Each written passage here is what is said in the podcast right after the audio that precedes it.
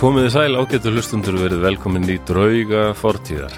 Eh, Ég heiti Flósi Þorkesson og með mér er hér Baldur Ragnarsson. Ra Ragnarsson Já, B-Rag Býr, Það ekki?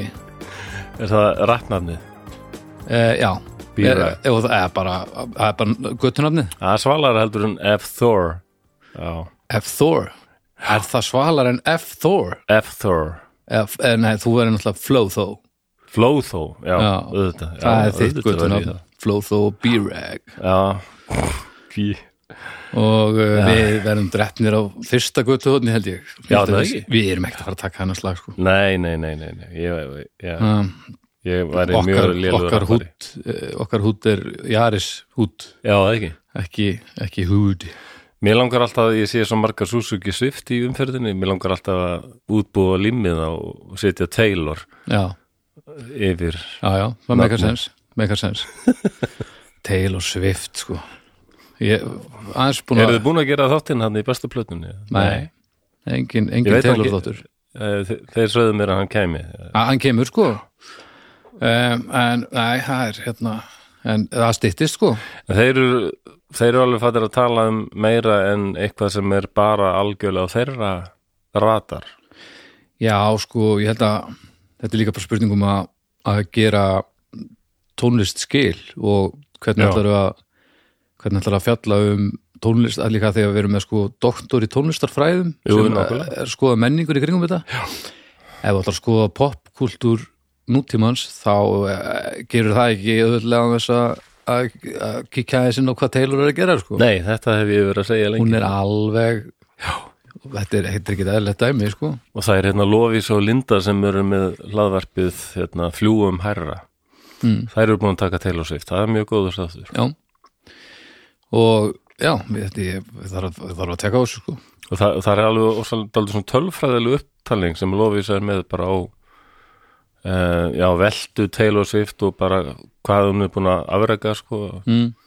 Eiga öll tíu lög, lögin bara í toppi Billboard listans og svona, þetta er bara brjálæðislegt. Já, já og, er og bara hún, hún- átti ekki réttindin að eigin lögum hann, hún tók þetta bara allt upp aftur eins og hún vildi. Hún er, alltaf, að, hún er ekki eðlilega svo magna og hérna, ég vissi það allir þess ekki, það færi fram hjá mér að það voru einhverju svona últra hægri hópar sem voru eitthvað að hampa henni sem hérna, já, já, svona fulltrúa hvíta kynstofsins, já, já, hún var fljót að ekki til í svara því að- að hún svaraði því bara með því að, að lýsi verið rosalega stuðningi við LGBTQ fólk og hérna. Já, og þá náttúrulega var hún fljóta að fara í svart, svörstu bókina hjá þessum hópum. Já. Sem geggjuð bók Já, það er bók sem maður væri til í að komast Já, í maður vill vera í, veit að sko. maður er að gera eitthvað rétt Já. maður Ég held það þetta er, þetta er, þetta er almennilega bók sko. Já, og við, en núna er annar þáttur en Ísrael Palestínu Ég ætla að byrja því samt að, að væla þins og segja að já, núna er november já Ég veit ekki, 11. Nei, mm, 14. 11. ég ætla ekki að sko að sé 14. eða 11. 13. neldum já, að já flottir 13. Já, já, já, tveimur dögum áður en þið er að hlusta á hana þátt. Og uh, það er komið myrkra sliðin í Kællin það er myrkur og slen í flóð þó í dag. Já, það er bara, ú, svona skamdegis bara Þið getið sofið í flóð þó, 20 ekki tíma, flóð þó sjá. Það er yfirgefin flóð og þó flóðsandi það er flóð þó að særandi já, Very good já pínustólið, Já, kannski aðeins mikið að láni Já, já, frá uh, Bumo Og í fyrsta þættinum þá vorum við nú að fara yfir síjónista reyfinguna og, og hérna mm, hvernig það kom til allt saman í, í, gýðingar fóru að hursa við verðum bara eignast þegar í ríki og, mm -hmm. og eh, komum að 1947-8 þegar brettar bara fórtuð höndum og ef ef við nænum ekki vera þetta er ekki hægt, það liði brjólað alltaf er allt bretum að kenna. Já, það er daldið þannig. Við komumst á því alveg, við vorum með Vilhelm hérna, dóttorinn. Er allt bretum að kenna. Dóttorinn, hann tók undir það Jú, ég er ekki allt breytum að kenna. Er allt bretum að kenna. Ég er að segja, ég er að fullið það. Já, já, ég hugsa að þetta eldgós ástand hérna sem Já, er í er gangi bre- á Reykjaneskaðarum vissum að það er breytir breytar eitthvað. með það að gera. Eitthvað? Já, já, já. Eð, alveg örgulega já, Já, og hérna nú verður farið aldrei hratt yfir sögu og hérna, þú bara lætur vita eða finnst þú vera að missa þráðum bara, eða finnst ég vaður mikið einu í annað. Mm ég er, ég geimi það. Já. Eh, Það verður, já, farið aðeins yfir stopnun Ísælsríkis og um, þann langa frið sem hefur ríkt Jú, jú. síðan þá. Segðu. Já, já, já, eh, já, þetta verður bara þessi þáttur auðvitað að kippa mér jafn harkalega nær á jörðinni svo, og svo síðast ég gerði það meiri segja og það var bara eitthvað 500 fyrir krist. Já, við byrjum þar. Já, svona, já, byrjaði þar já. Já, já. En já, ég, er, ég, ég held ég sér reyðbúin í þetta verkefni. Þá hérna setjum við okkur í stellingar á getur hlustendur því nú er komið að því að særa fram drauga fortíðar drauga fortíðar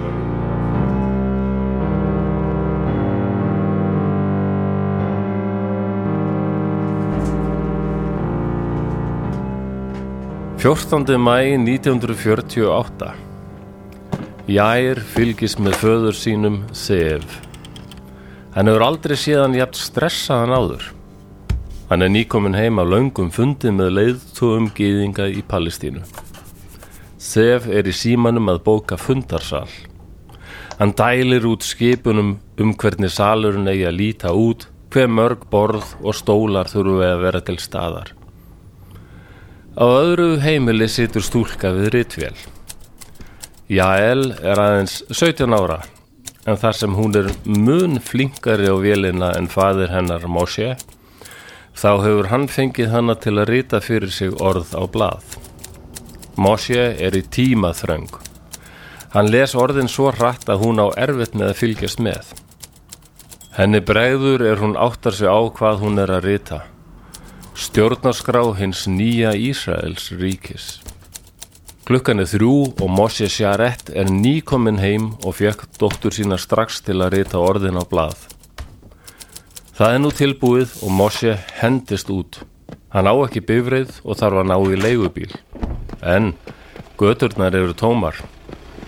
Allir eru við útvarpið að býða eftir að heyra yfirlýsinguna um hið nýja ríki. Útsendingin á að vera klukkan fjögur.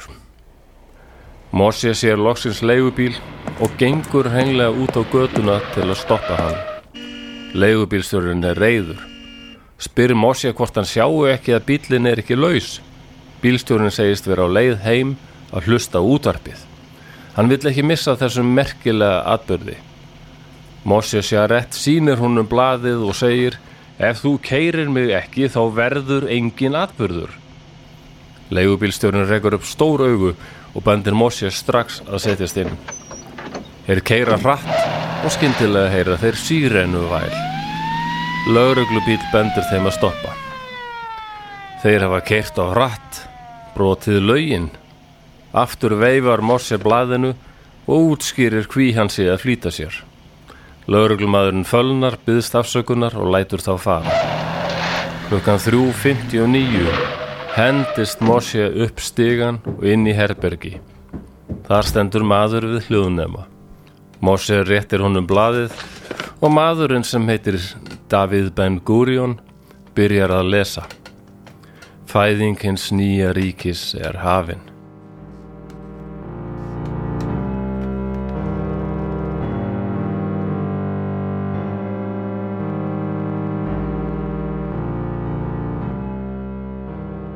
Já, það var lestir lokið og þarna Vá, ég vissi ekki alveg að þetta hafi verið þeir voru, þetta er stressandi dagur.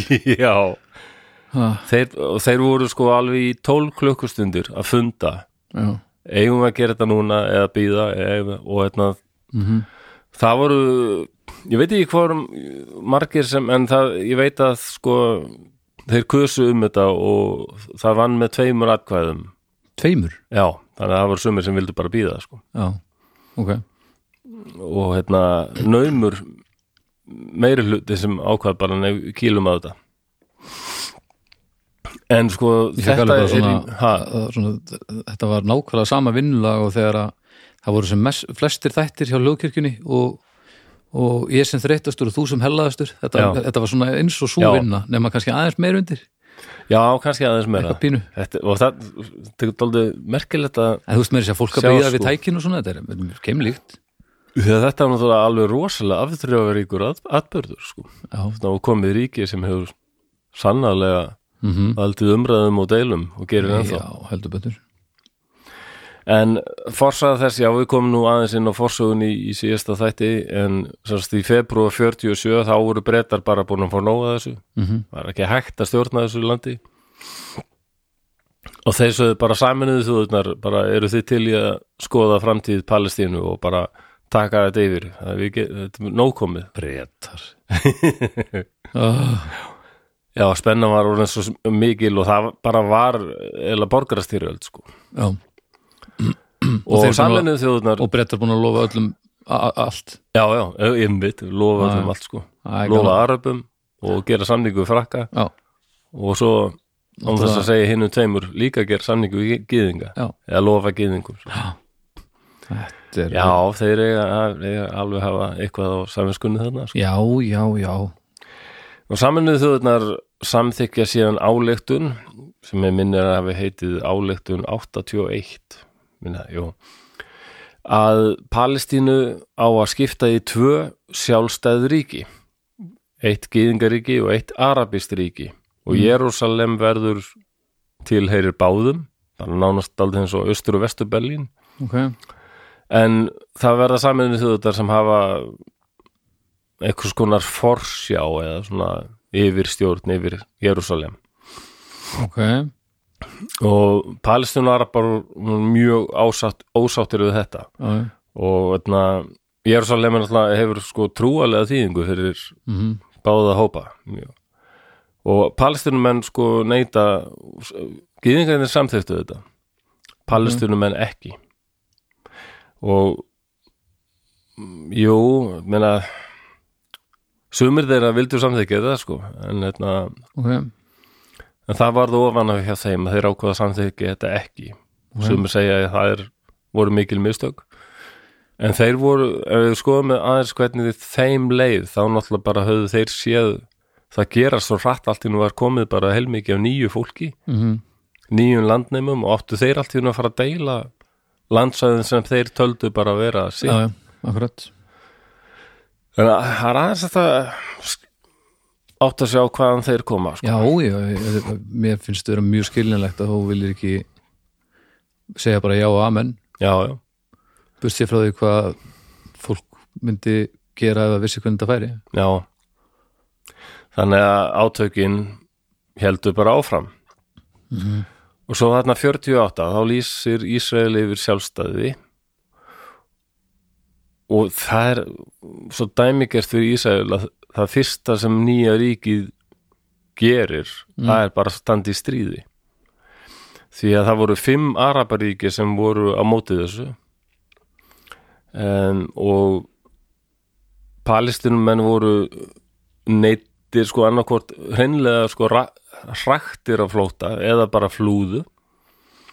Og þá verður þetta sem palestinumenn kalla nakba eða hamfarirnar. Mm. Ísrael, fyrir Ísraelum er þetta stórkostlegu dagur við palestinumönnum ekki. Mæni, það er bara kallað hamfarirnar.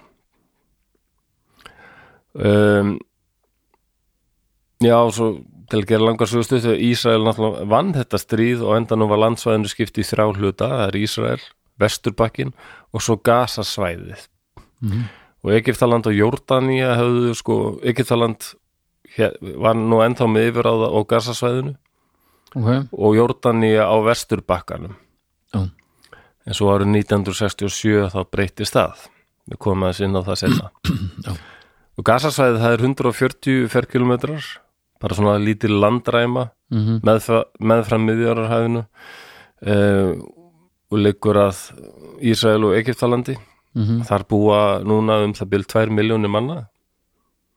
Mhm. uh, Vesturbækinum mun stærri 2200 ferkilometrar sem liggur að Ísrael og Jórdaníu.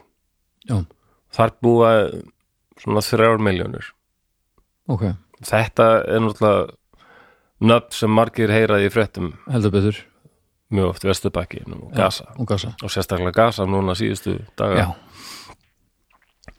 og á hverju ári um, þarna miðjan mæ þá minnast palestinumenn þessa sko, Nakba. Mm, og palestinumenn eru í dag þetta taliði séu sko svona 12,4 miljónir ok.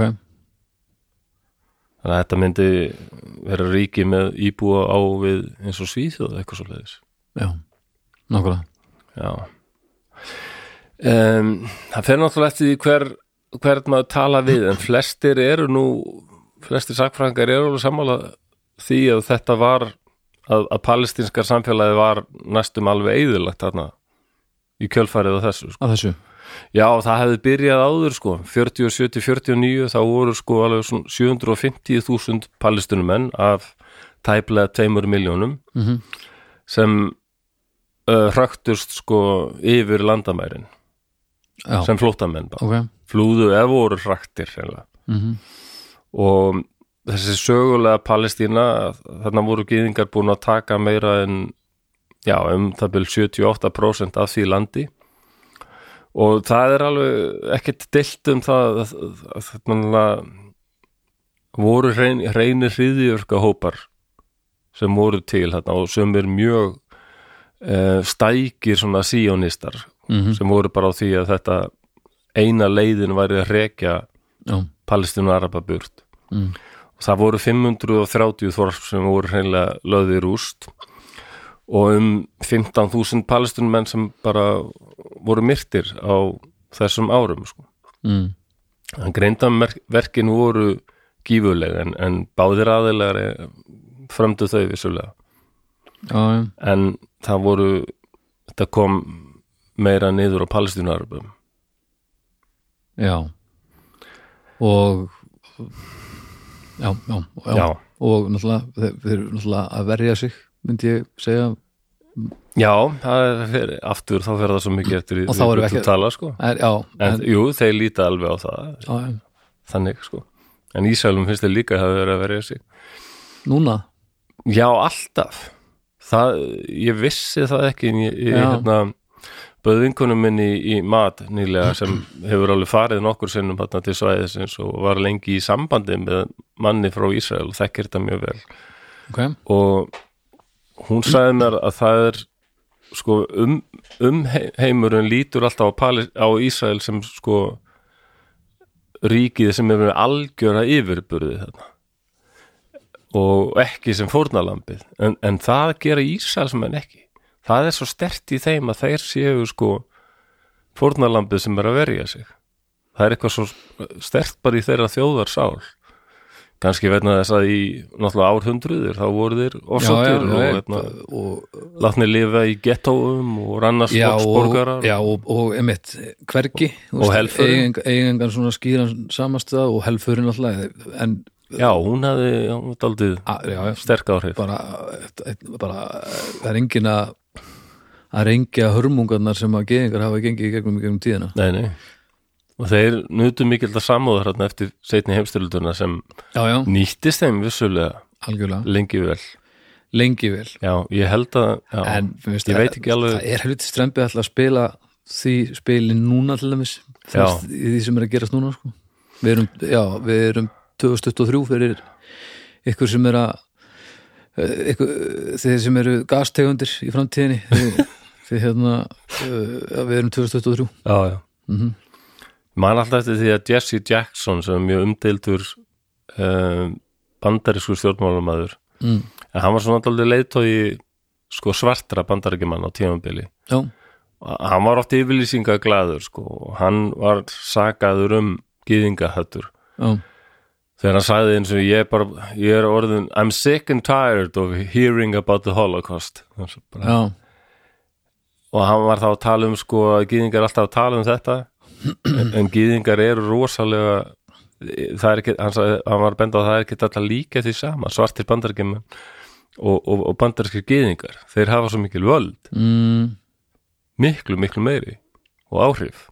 Já, já, og það er þessi gaggrín sem heyri stundum að, að um leið og gaggrín í Ísæl þá bara er er nánast orðin sko afneitari helfararinnar já, já, já, já, já eða, eða fylgjandi nasistum sko. Já, eða fylgjandi nasista. Já, Og- já. já, já, já, það er vissulega. En ég hef nú að lesa BBC sko að, að sko að frett frá Fraklandi það var sem sagt ganga sem var hérna gegn antisemitisma eða svona mo- sko fjöldafundur já, gegn gyðingahatri. Mhm. og í gegnum tíðina þá höfðu sko yfirleitt alltaf leiðtóar vinstri flokkana verið áberandi í svoleiðis já, kommunistar, sosialistar sko. Mm. þeir sáust ekki núna, heldur voru hérna, leiðtóar svona hægri flokka sko. Já, sérstaklega þeirra sem er langt til hægri sem voru mættir hérna, þannig að það er eins og þeir sem er lengra til hægri eru fættir að stýðja Ísrael sko. Og þetta var ekki og þetta var já, til þess að styðja Ísraels ríkið sem það er að gera ekki til þess að reyna milda geðingar hattri og heimsins sem á ekki rétt á sér. Það var gaggrinni vinstri sinns sko að Mélenchon sem er leiðtói í franskara sósialista hann hann er mjög langt í vinstri mm, og eiginlega svona full yfirlýsingaglæður finnst mér. Mm um, hann sæðist ekki taka þátt í þessu því að þetta væri bara verið að styðja við ríki sem er að mm. framkama fjöldamorð að en svo eldri frakkar þeir rákut aldrei upp stóru augu að sjá þessa breytingu sko. Þetta.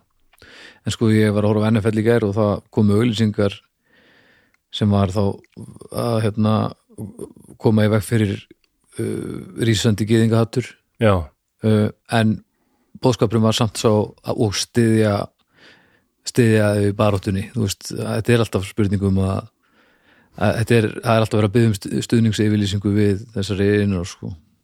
já, já, já. Já, já, Bandaríkin og Bretland.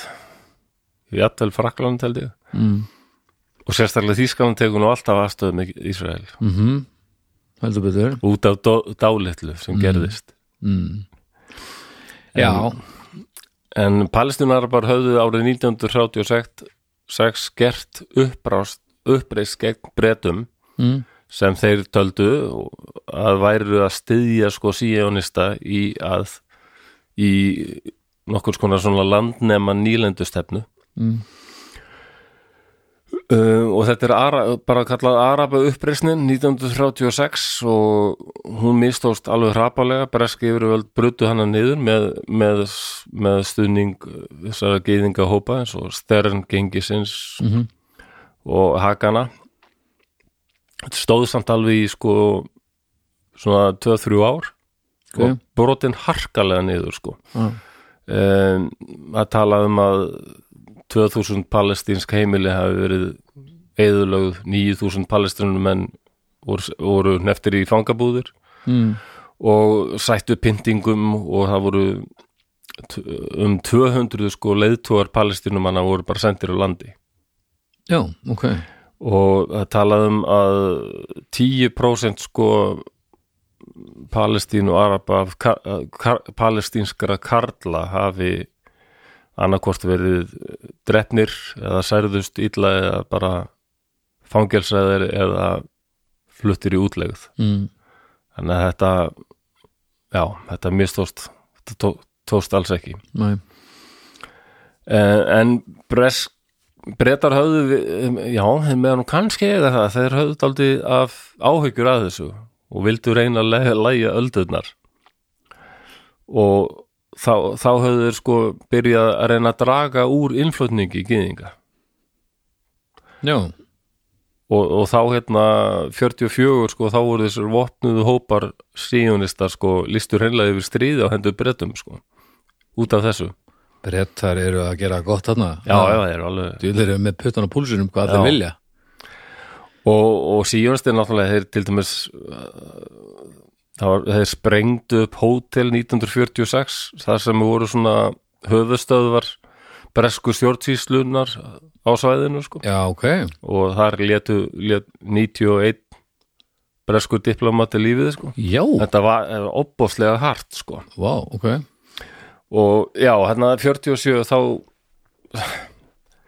þá voru brettar búin að fá nóga þessu sörviðri sem þeir höfðu skapað þarna í Palestínu og bara báðu saminuð þjóðunar að taka þessu. Mhm. Nei, hún hétt áleitun hund, ekki 81 heldur 181 Nú, já, ok, ég var að velta fyrir mig hvað var sami, voruð þið bara ekkert að gera? Nákvæmlega. Já, akkurat 81, bara, Já, bara í bústað eitthvað og, og það, eins og ég sagði á hann sko, það sem hérna saminuð þjóðunar mæltu með að, að Palestunir skipt í tvö ríki, Gýðinga og Arabaríki. Mm og þá voru Gýðingar í, í Palestínu sko tæpur þriðjungur Já. íbúana Ok, og a- af þessu heilda landsvæði Palestínu áttu þeir minna en 6% þannig að maður skilur, skilur aðeins að vissu leiti okkur Palestínu er bara þeim fannst þetta fárálegt mhm okkur þurfum við að deila landinu með einhverju algjöru minni hluta sko. mm. Já, já. Og samkvæmt þessar áallun sko þá áttu gyðingar að fá alveg 55% land sem náð, sem inni hélt margar af helstu borgum þar sem Palestínu Araba byggu í miklu meiri hluta. Mhm. Og mjög mikilvæga strandlengju frá Haifa til Jaffa ok og Arabar töldu með þessu, þessari skiptingu sko, þá myndu þeir fá missa sko langbestu landbúnaðarsvæðin og þau mikilvægastu Mhm. og, og hafnir til Já. sjávar sko. Já, já, já svo þetta er bara ömuleg skipting mm. þannig að þegar fólk er að segja að þeir, þeir neituðu þessu en þeim fannst þetta bara þeim fannst þetta óásætlanlegt Ósattunlegu dýl já Já, mm.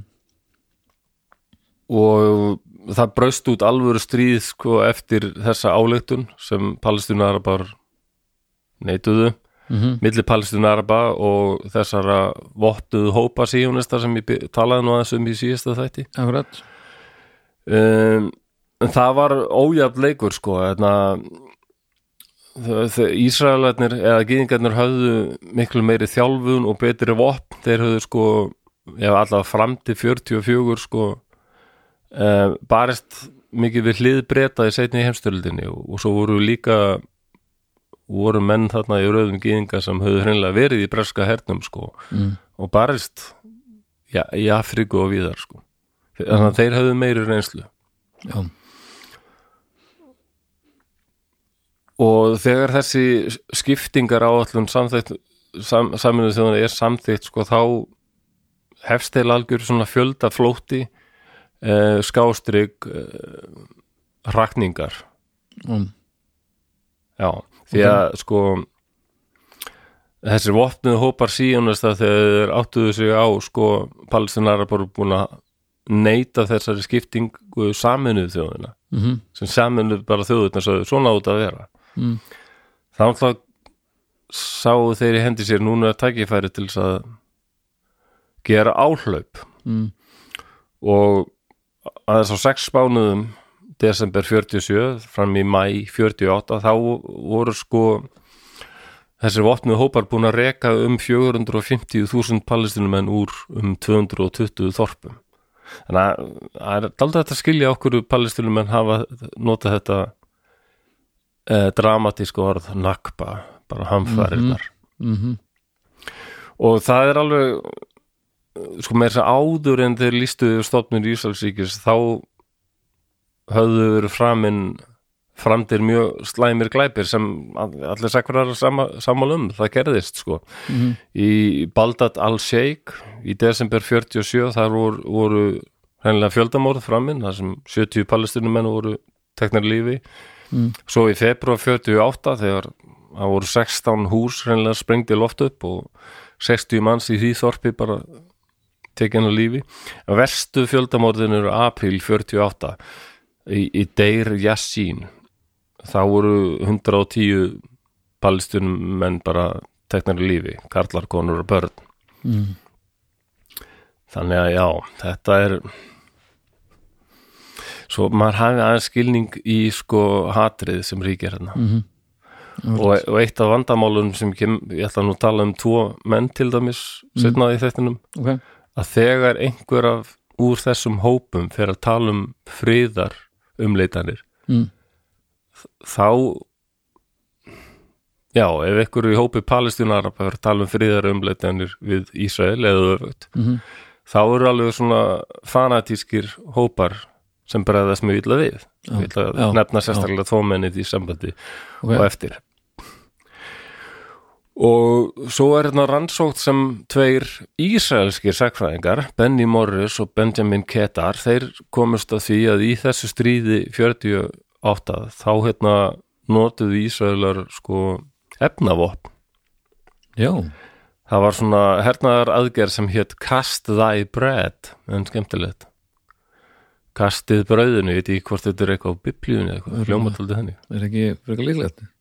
Já, mér er ekki óvart sko þeir, þeir, þeir voru þá með sko taugaveiki bakterjur sem uh, þeir menguðu vasslindir sko þeir hérna hreinsuðu alveg marga arabíska þorp mörg arabísk þorp og bæi og, og menguðu svo vasslindirnar til þess að komi veg fyrir íbúar myndu snúa aftur. Og, og Ísal sem segja þeir voru hrættir um að að það eruðu vígamenn sem myndu snúa aftur og, búa um sig í þessum bæjum og þessna þurftuðu nú að mm, setja taugaveiki bakteríur í vatnið. Að sjálfsögðu, já, þetta segir það.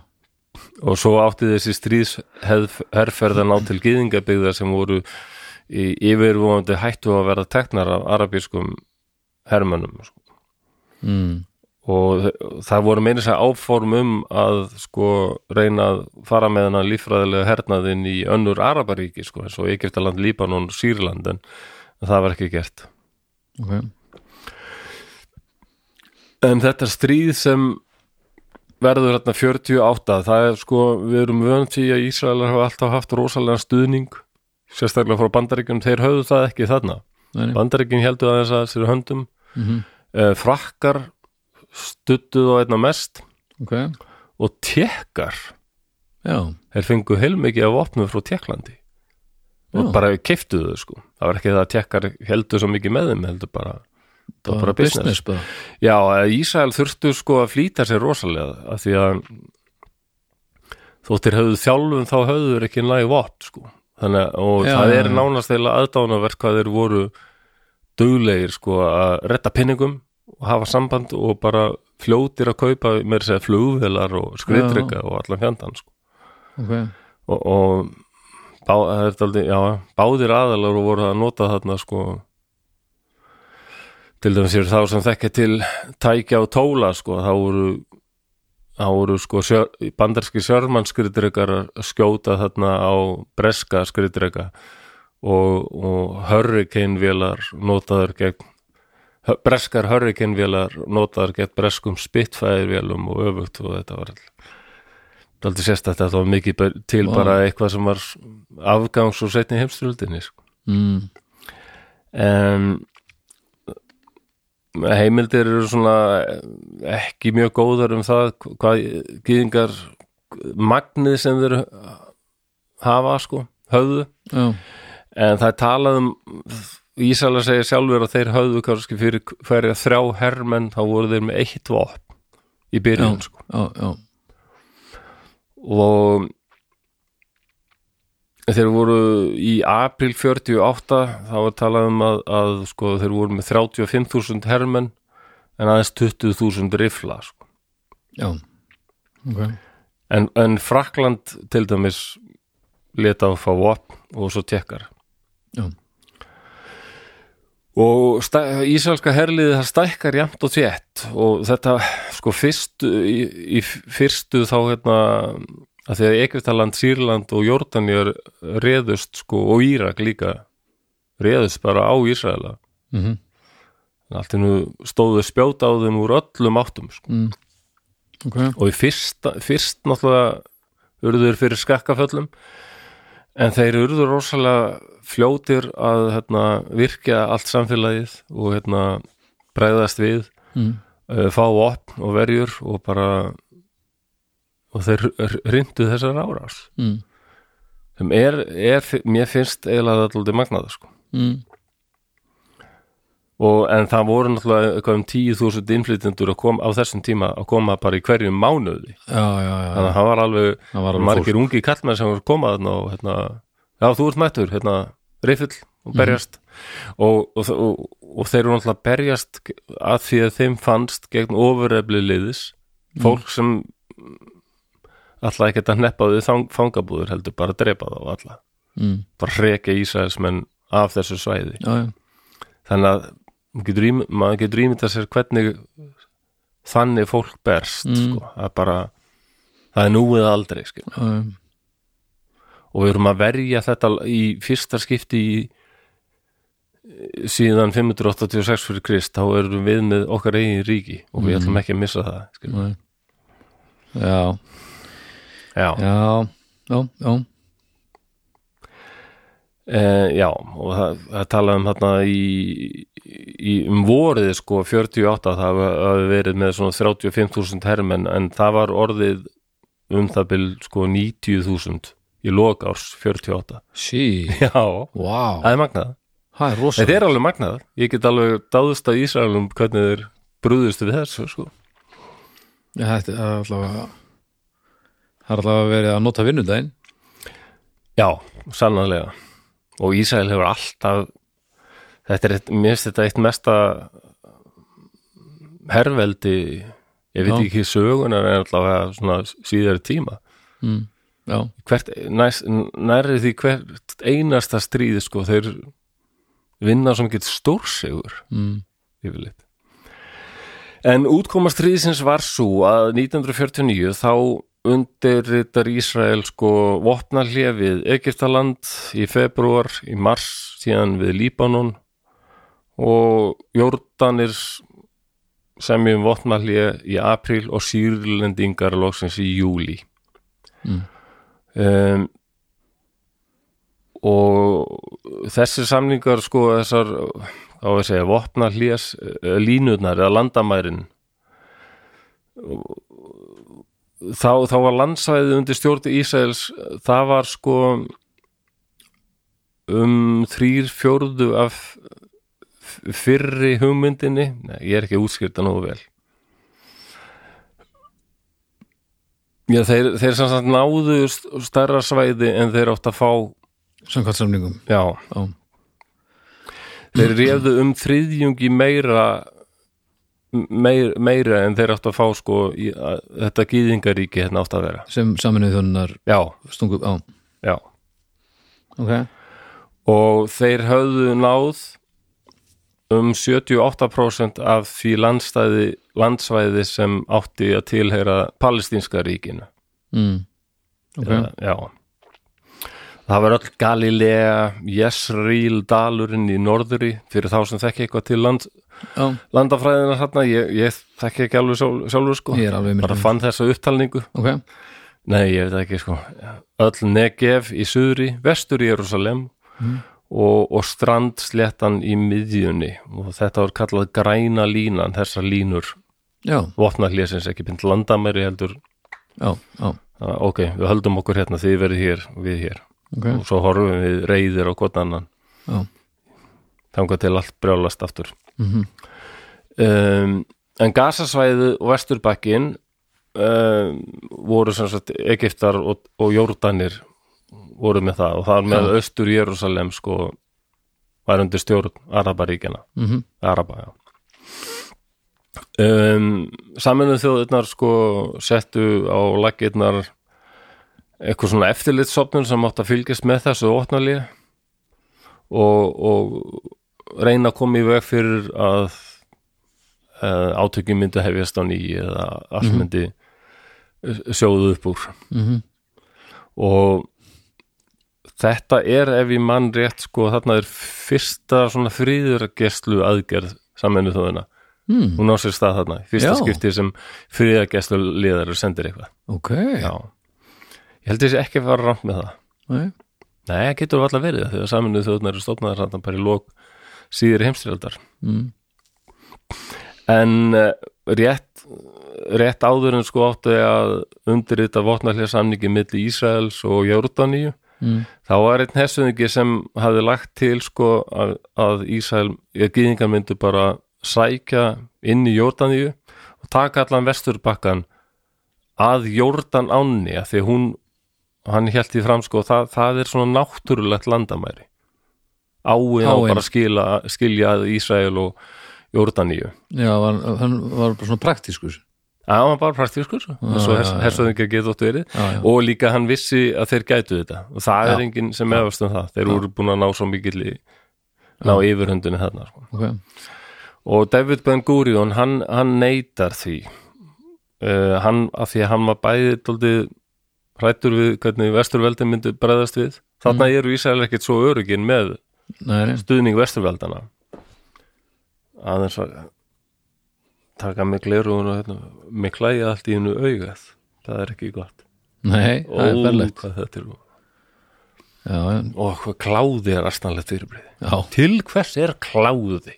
Hann er til þess að maður getur klórað sér og sagt oh, já, það er ekki? Og, já, það, já. og svona eitthvað þá getur maður ítt flattlúsin í burtu eða eitthvað, ég veit ekki uh, einu mínu uppáhaldsbókum tíundalust á vestuvístuðun það Mm. er hérna það slasast aðalsögu heiti hann sko særist á fæti, hann er, hann er í umbúðum á fótunum og það er lýs undir búðunum. hann er lýsaði bara hvað þetta er lýsaði, já, hvað kló, kláðin er ógeðslegur sko. og, og, og hann getur ekki klórað sér. Og í bara. Það er, það er einn raumurulega sorgistríði. Og í, já það er lýs sem það er að geta ekki klóru sér. Ertu búin að sjá hérna nýju myndin hann, tíundalustu vestufistun? Núna Nei. hefði loksins eða þjóðverðar gerðu já, nei, ég er nefnilega ekki búin að sjá hana. Nei, hún er rosaleg sko. Eða ekki, Já, mér var það eiginlega bara líkamlega illt sko af því að það er bara drullan og kuldin og svona þetta er Mm. Mann finn, finnst eins og þeir, þeim fljóti alltaf vera kalt og þeir alltaf blöytir og þetta er bara það er það sem gerist. ömulegt sko. og þetta transfood og í, Já, Í. það er mjög ógeðslegt. Það, og í að vera alltaf blöyta fætur já, sko. bara bara súfi að lappinnar Ömurlegt. Já, það er viðbjöður sko. En mér varst hún góðu sko.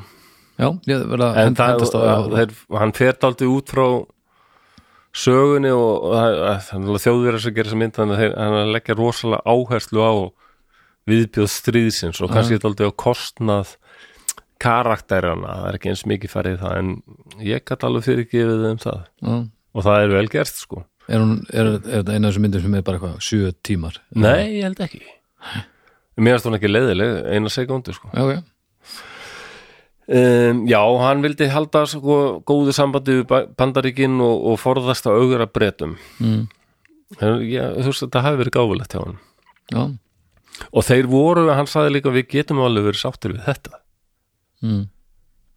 ha, við erum búin að stækka svæðið okkar og nú þurfum við líka bara að einbæta okkur að, að innviðunum sko, bara byggja ríkið upp sko. Mm. Nú, og svo ætla ég bara að fara hratt yfir sögur sko, og, og nefna hérna núna svona helstu deilur sem hafa átt sér stað. Ok, Já, það líður yfirleitt ekkert mjög langt þangað til allt verður brjálað. Og þetta er 40 og hvað sagði, 49 Átta. þegar þeir, já 49 þá gera þeir vopnalli já, já, en svo kemur 1956 og þá er komið til valda í Egiptalandi maður sem heit Nasser mm. uh, og hann var hreinlega sko svona arabískur þjóðurni sinni og var á því að arabar ættu helst að vera ef mögulegt væri sko já, hann var svona pan-arabískur var arabar eða standa saman sko Mm. í hvaða landi sem þeir búa sko og hann hans afstæðikar Ísrael var mjög fjandsamleg Mm. og hann árið 1956 þá tek, tekur hann bara yfir sko súeskurðin sem var einhvern veginn svona já, svona átt að vera eitthvað svona alþjóðlegt svæði en, en breytar Já. frakkar vildu náttúrulega bara ráðið yfir þessu sko, þetta, þetta var mjög mikilvægur eh, mjög mikilvæg svæði tengdi Evrópu og sko. já, ég meina þetta er bara þetta bara alveg lengst niður fyrir. Já, og það, þetta voru alveg bara ennsku frönsk fyrirtæki sem eiginlega bara áttu þetta svæði, sko, stjórnuðu öllu þarna. Og Já. hann bara tekur þetta yfir. Þetta er í Egiptalandi, segir bara. Og við bara stjórnum þessu og, og, og svona þjóðunýting mm.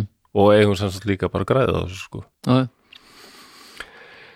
og þá eru frakkar og brettar þeir gera þá samning við Ísrael af því að hann, hann sko þeir, þeir ekkertar lokuðu til dæmis letu flotan loka suður höfnina.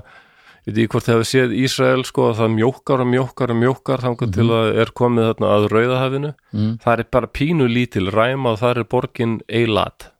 Já, þar er höfn þeirra Mhm. að rauðahafinu. Mhm, og ekkert voru búin að blokkera hana, blockade það er kallað þegar bara flotin kemur í veg fyrir eitthvað skip geti hana, já. ok.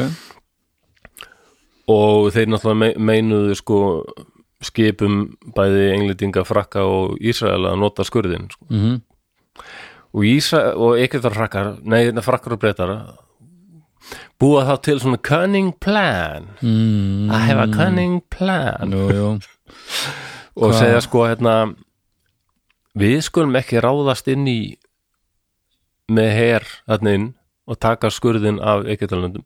Látum Ísraela ráðast á. Og svo grípum við inn í til þess að halda friðin mm, þá virðust við rosalega friðið sinnar og náðum, og náum allt, aftur stjórn á skurðinum. Cunning plan. Já. Ísraela samþykja þetta En í oktober 56 að ráðast Ísraelar inn á sína í skagan sem Egyptal réðu. Mhm, og aðeins á fimm dögum þá tókuð þeir sko Gaza, svæðið Rafa, Al-Aris eh, mikilvæg svæðið þetta tóku þúsundur fanga og náðu sko megnið af þessum skaga sem hérna austan við súeskurðin já, og þá þá um, og, og þá koma hérna desember sko þá hérna, koma eilítingar af frakkar og hérna, við viljum já, við viljum hérna skakka leikinn. Hvað er í gangi hérna? já, hvernig átt, við höfum ekki hugmynd um hvað er að gerast hérna, við erum komin hérna til þess að að þess að miðla og og þeir koma að ráðast að eða bara ráðast inn, koma með hervaldi já, gegn Egiptum sko. Já, já, já, já, en það merkilega er að bandarækjumenn voru mjög á mótið þessu. Já. og fordæmdu bæði Ísrael og Egipta og frakka fyrir þetta. Já, og þetta var ekki alveg vinsælt svona stutt eftir setni hefsturöldin að vera með eitthvað svona nýlendu takta sko. Nei, nei, nei, nei, og bandarækjumenn voru alltaf daldið að að því að bandaríkin verða til í uppreist og baráttu gegn nýlendu veld Já, þá var bandaríkjumenn alltaf sko við erum alltaf rosalega móti, mikið á móti imperialisma. Nákvæmlega. Í smástund. Já. Já, já. En, og það er uh, sem sagt uh, saminuð þjóðnar eða stíga hérna inn í og, og setja hérna friðarsgeslu lið og Ísrael að draga sér tilbaka. Mm.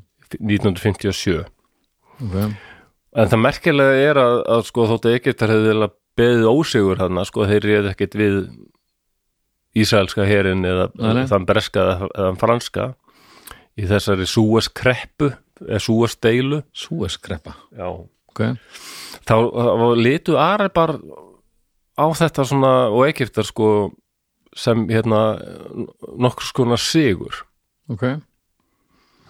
Hafa stíðið fram Látið sér heyra og taka slæðin já og líka bara át að þeir, þeim hefur tekist að það voru þarna mikilvæg veldir sem, sem fordæmdu þarna Bretland, Frakland og Ísrael Já, já, já, og, og töluðum bara Egyptar eiga alveg hafa rétt á að ráði yfir þessum skurði sko. Mm og Egyptar aflétta þessu flóta banni eða þarna siglingabanni við Elat Mhm.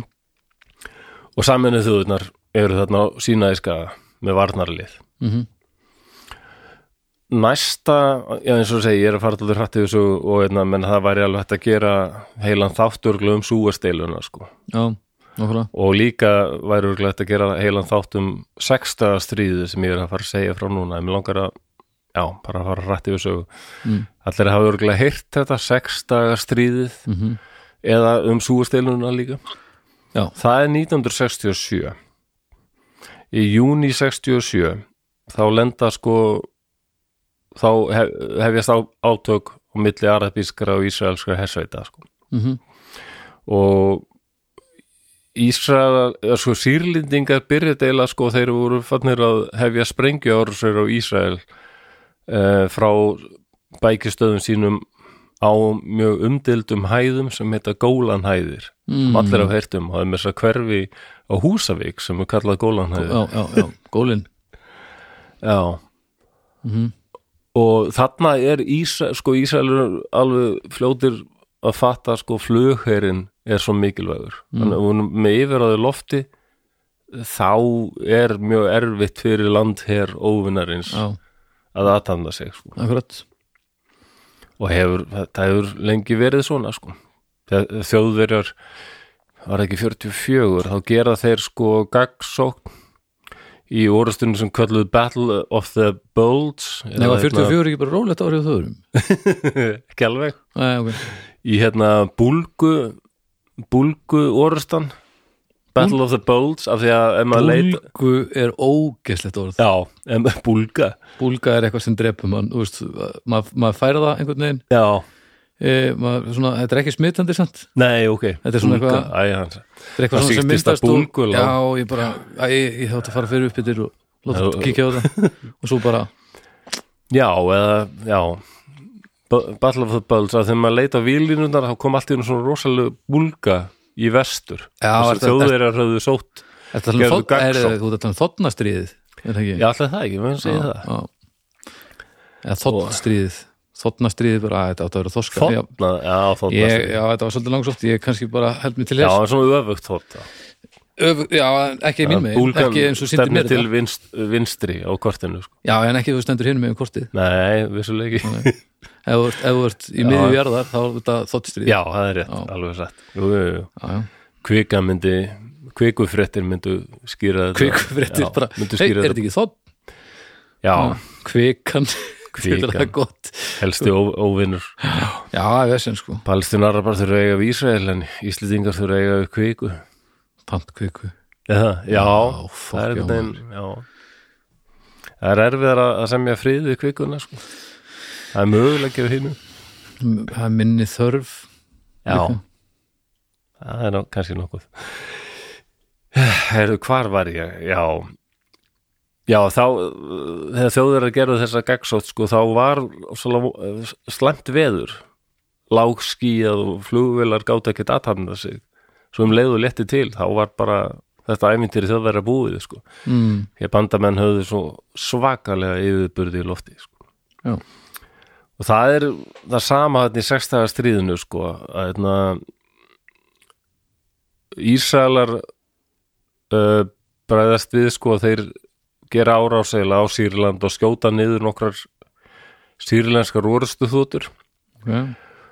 og þá kemur Nasser aftur fyrir hann í vígahug og lætur hersveitir sínar sko uh, vottvæðast eða vera tilbúnar í innrás Hversu- landamærunum og sína En hversu st- stort herafla er Egyptaland með? Það er náttúrulega fjölmennt ríkið, þeir voru með alveg sterkan herabla og hérna, nutu stuðnings frá þannig að þeir voru með mig, Með- þótur og Með gott það þarna er kaldastriðið orðið sko 67 Já, þá eru bandar, þarna eru bandarækjamenn og sérstaklega eftir þetta stríð þá voru vestuveldin alveg bara Ísraeler við stíðum það. Ok. Og það, en það er eiginlega ekki fyrir sérstaðstriðin sem bandarækjumenn alveg taka þá harða aðstöðu við stíðum Ísrael hva- sama hvað. Ok, og Araparíkin voru meira stutt af Sovjetríkjunum sko. já, en það er alveg merkilegt að þegar Ísrael listu þarna yfir sjálfstæði 48 mm. fyrstu ríkin til að, að viðurkenna sjálfstæði það voru Sovjetríkin og Bandaríkin sko. já Það var svona verið að þannig fyrst, fyrst þannig byrjun sko eru Sovjetmenn mjög hlindir Ísrael Þetta er bara eins og að vera að reyna að búa til Það er bara að leita meiri hluta Þú veist, það er verið að reyna að búa til borgarstjórnu eða eitthvað já, já, Það svo er að einkennt fyrir sér talað við alla svo einkennt það líka aldrei kaldastriði sko að ef Sovjetríkin stuttu eitthvað. Já, já, þá færið þú hinum megin Já, sem, þá voru Bandaríkjumenn nei, auðlusla Já. Já, og hann, hann reynir aftur að hérna, vera með svona uh, flota bann á Eilat. Mm og, og það er hérna, þetta er byrjun 67 -hmm. Nei, þetta er svona í jún um, vorið 67 ok, og þá undir þetta líka Egiptar sko varnarsamningu Jótaðíu sem gengur út á náttúrulega ef ráðist er á annarkvort ríkið þá bregst hitt við og bít fyrir súp. það er líka dálítið hægt að dásta því hvað Ísraelar gerðu þá. Sem sýnir bara hvað þeir voru komnir með ofsalega vel skipulaðan, vel þjálfaðan Mm. og vel vopnum búin flugher til dæmis og landherri líka. En þeir þeir hérna og, og, og sko leini þjónustu já, mikilvæg líka, Má- það er ægilega bara strax. Kannski bara vannmetið sko þegar men- menn eru eitthvað að tala um stríð og svona hvað sko intelligence já, öflun upplýsinga er gífulega þú mikið veist hvað er að gerast á bak við tjöldin hinum megin? Já. bara hvað hlutir eru og akkurat. Heitir þetta Mossad og strax um, Mossad heitir það ekki? Já, Mossad. hún var alveg orðin til hérna Mossad sko, já það er en þetta er nú reynda margar stofnanir sko. Flugherinn með eina leinþjóstu landherinn með eina leinþjóstu ok, innanríkisráðunutið með eila leinþjóstu sem heitir Sinbad sem heitir? Sinbad Sinbad Sinbad ok, og ég veit ekki hvað þýr og Mossad er svona meira kannski eins og að fylgja, fylgjast með ykkur fyrir utan landamærin sko. mm. Fylgjast með öðrum ríkjum vera með já, já, já, njóstnana það en eins og CIA National Defense Agency held ég er heiti. Alþjóðlega National Security Agency í bandaríkjunum er meira svona innarríkis öryggisleinist þjónusta bla bla bla, eitthvað, leindó um, og þeir sjá það að flugherr Egyptalands er allur tilbúin mm en, en flugvöldnar eru allar á okkur flugvöllum. -hmm. Og þeir gera ótrú, ótrúlega vel samhæfða og ná að koma óvart. Þeir fljúa lengi vel sko mjög lágt undir radar. Á, undir þetta og þeim tekst að eyðileggja um 90% af öllum flug hér Egyptalands. Fuck. bara jörðu niðri, þeir bara það sprengið allt í tætlur. Það er ótrúlegt. Wow og það, það gekk sko í fyrstu erfitt hjá Ísraelum þau sáu það sko að þið ekkirsku flughurinn sko var hérna svo sterkur. Já sko það var bara erfiðar að, að hann var til staðar já, já, já, og ógnaði landhernum. En þarna var það bara búið sko þegar Ísraelur höfðu þarna bæði flughurinn og Já. landherinn en Egyptar voru bara með enga flughur Já. og missa hann bara. Og Ísraelar rekja sýrlitinga frá gólanhæðum Mm ná þeim og þeir halda þeim enn þann dag í dag og segja bara að þetta er of landfræðilega er þetta of hernaðalegt svæðið sko til þess að gefa það eftir minnum. ha, já, til að gefa eftir sko já, og gott og mikilvægt að hernaðalegt svæði til þess að vera eitthvað opna að, að gefa það eftir aftur já. Já. og þeir ná þessu umdelda gasasvæði mm -hmm. og sína í skagarum af Egyptalundum og, og reka jórnarskar hessveitir frá vesturbakkanum með vinnal stórsigur hann sko. Jórdanir og þeir, ná, þeir taka bara Jérúsalem bara Ísrael að ráða allir í Jérúsalem það er ekkert skiptingu östur og vestur þeir bara já, stoppuðu það. Komi Jórdanir uh, Egyptum til bjargar samkvæmt, já þeir, þeir náðu ekkert að gera neitt sko. Gátt ekkert gert. Það var bara of, var svo of mikil ströun já, já. Ok, þa- þannig að þetta var alveg afgerandi sigur þeirra. Mm.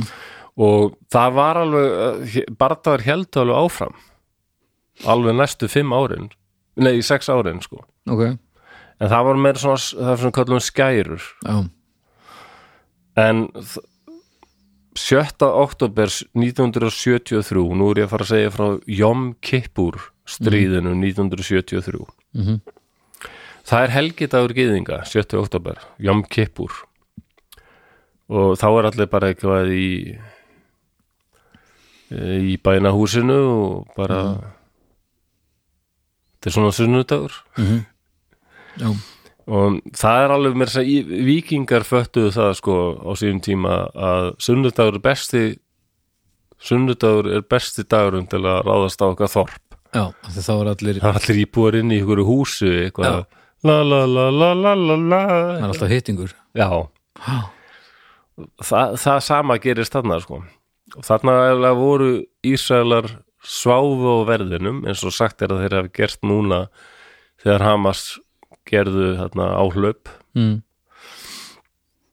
Mér finnst það alveg ótrúlegt sko hvað Hamas náðu að halda þessu lendu ég menna það eru þegar komnar einhverja samsæðiskenningar um það að Ísraelar hafi vitað því að Hamas og nú er ég að tala um atbyrði sem er að gerast núna. 2023 oktober, november 2023 já.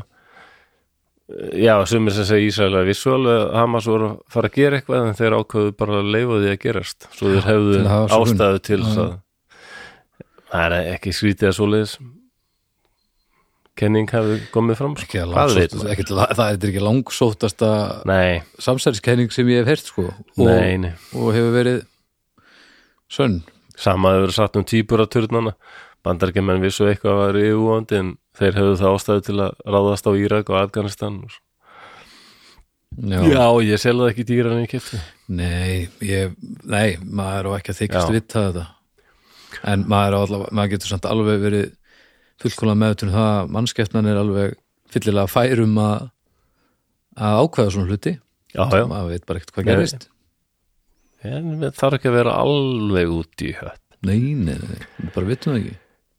En þarna er sko kemur þessi árás eða Ísælum á óvart því að sko egifskar hersveitir ráðast inn eh, sko ráðast að fara þarna yfir súurs skurðin og hérna eða ge- gera innrás í Ísrael mm sunnan frá og hérna suðvestan frá. Og sýrlas hersveitir sko taka gólanhæðir -hmm. og í þessu stríði þá þóttu sko þessir araba heyrir þeir voru betur þjálfaðir mm. og, og stóðu sér betur sko. Og Ísrael eru urðu fyrir mjög miklu mannfalli til að byrja með sko. Ok, en, en aftur gera þeir þetta sko. Það er bara einhvern veginn öll þjóðin sett í stríðskýrin mm. og, og ég menna Ísraelar að hver einasti Ísraeli ég man ekki hvað það er tvö eða þrjú ár sko sem þú þarst að sinna herskildu. Og það þú sleppur ekkit undan því. Getur ekki sagt, ég, nei, ég vil ekki skjó, halda á vopni, ég ætla bara get ekki fengið að vinna á, eins og í Danmörku segir, ég vil ekki fara í herin Nei. og þá er þið sagt bara, já, getur þú unnið eitthvað samfélagsþjónustu, Mm. vinna á leikskóla í eitt ára eða eitthvað í staðinn. Já, það er ekki bóðið í Ísrael. Þú ert bara landráðamaður sko að þú sinnir ekki herskildu já, þannig að ég þegar ég verið með Ísraelska hópa þegar ég var leiðsögumæður, þá var ég ofta að hugsa sko allt þetta fólk kann að meðhandla vopn, hefur fengið herþjálfun. Mm. já. Já, já, og ekki síst konurnar sko það nei, nei, er, menna, konur í Ísraelska hernum sko, það er gefið út dagatöl sko, þar sem þeir eru svona og að sexu og flottan en halda allar á rifflum og svona. Já, já, já, já. Mm. Já, og Ísraelski herin nær að snýra, snúa vörn í sókn. Ok og nær landsvæðum af Sýrlandi og fer yfir súurskurðinn og, og hérna, nær að umkringja ekifska herin þar. Já, en um, það var svona varnarvirki með frá súurskurðinum Ísraels en þeir ná því ekki aftur sko yeah. ok af Egyptum og þetta var mjög stutt þetta var nú kannski ekki sex dagar en hérna þessu líkur 27. oktober 27. opo- oktober 27. oktober oktober. Þannig að sko Hvað Jón Kippur er 7. oktober og 27. oktober þá líkur þessum heitir 20 dagar stríð 6 dagar stríð? Já, ég, ég held að sé aðal út af því að sko að ég veit það ekki. Nei, ég meina, Ég 6 dagar stríð þetta heita tæplega þryggja vikna stríð Nei, já. Nei, þetta er sko Jom Kippur stríðið. Já, Já, já, já, já, en sko sextagarstríðið er það er eiginlega bara fimmtagarstríðið Hvað? Það er bara þarna 5. til 10. júni sko. Nei, fynda til tíunda, byrjar að Já, það, það er alveg magnað hvað þeir sko voru fljótir að En, en En- ef, það byrjar, byrjar fymta og endar þetta var tíunda miklu hættulegra stríð fyrir Ísraela Já, já, en býtu, þeir, ef það byrjar fymta og endar tíunda þá er það náttúrulega 6 dagar bara svo það sér henni ok, nú ok, já þannig að, þú veist, 5, 6, 7, 8, 9, 10 Nei, 5, 6, 7, 8, 9, 10 þú glemtir að telja ef 5 50 er ef þetta byrjar á 5 þá er það stríð þann daginn, það er ekki bara nú er komið miðnætti þá skulum við, herru það verður bara stríð á morgun. Ég er svo lélegur. Þannig að þetta er allt saman rétt. En það var ekki ákveðið að kalla Jóm Kippur stríði 20 dagar stríð tæplega þryggja veikna stríð Já, nei. Nei. Það, og, ég menna Ísælar, þeim var alveg brúðið þessu stríði sko. Já. Brúðið þess að okkur araba herinnir voru betri, Mhm, vel vatnum búnir sko. Mhm. og það, það hafði alveg djúbstað áhrif á það sko. Já, en uh, í november þá gera þeir vopnahlið við Egypta og svo í mæ 74 við Sýr, Sýrland. Ok og þeir eru meira þess að gera samning við Ísrael, nei við Egyptaland setna sko 8 74 þar sem sko Ísrael að segja bara við förum frá uh, Sínæskaga en um leið þá áttu Egypta líka minka herliðið sem þeir voru með þarna já, sín megin. Ok. Og aftur er friðargeslu sveit saminuð þjóðuna sett þarna á milli þessar tvekja he- herja. Mm. En og, og, og, og, þarna sko upp úr 75 þá fer eins og Araparíkinu er farin að hugsa sko að þetta er ekki þetta, við getum ekki verið að standa í þessu sko. já, hinn Araba ríkin já, já ok. Og til, til dæmis sko 79 mhm, þá undir þetta Ísrael og Egyptaland uh, frægan sáttmála sem er alltaf uh, alltaf hérna kallaðu Camp, Camp David, hefur heyrt það? mhm, Já, það ég held að margir hafi heyrt þetta Já. Camp David Agreement já, það er bara friðarsáttmála milli Ísrael og Egyptaland sem að því að sko þeir höfðu eiginlega verið það hefði verið stríð á milli þeir í 30 ár alveg eins og. Norður og Suður Kóra eru tæknilega ennþá í já, já, akkurat. Síðan 1953 já, já, akkurat. Það er bara ekkert að gerast í því stríði. Nei, nei, nei, en það er ekki búið að undirrita sko friðarsáttmála kallt stríð en þarna bara bunduð er enda á það stríðsástand. Mhm, og Ísrael skilar þá sko öllum sína í skaganum til Egyptalands. Og á móti þá viðurkendu Egyptar við viðurkendum tilveru rétt Ísrael. Já, við, er bara við, já, ekki beint viðurkenna Ísrael heldur við en kenna bara ég, já, já, við, við, nú, jú í raun sko eða að því að þau tóku upp alveg sko eðlileg svona diplomatisk samskipti af þessu sko. Sendir á því báðum, báðum löndum já, já, já, ok. Já, Mhm. og þar var maður sem hérna átti stóran hluta af þessu. Já, ég ætla að segja frá þeim setna bara sem dæmi.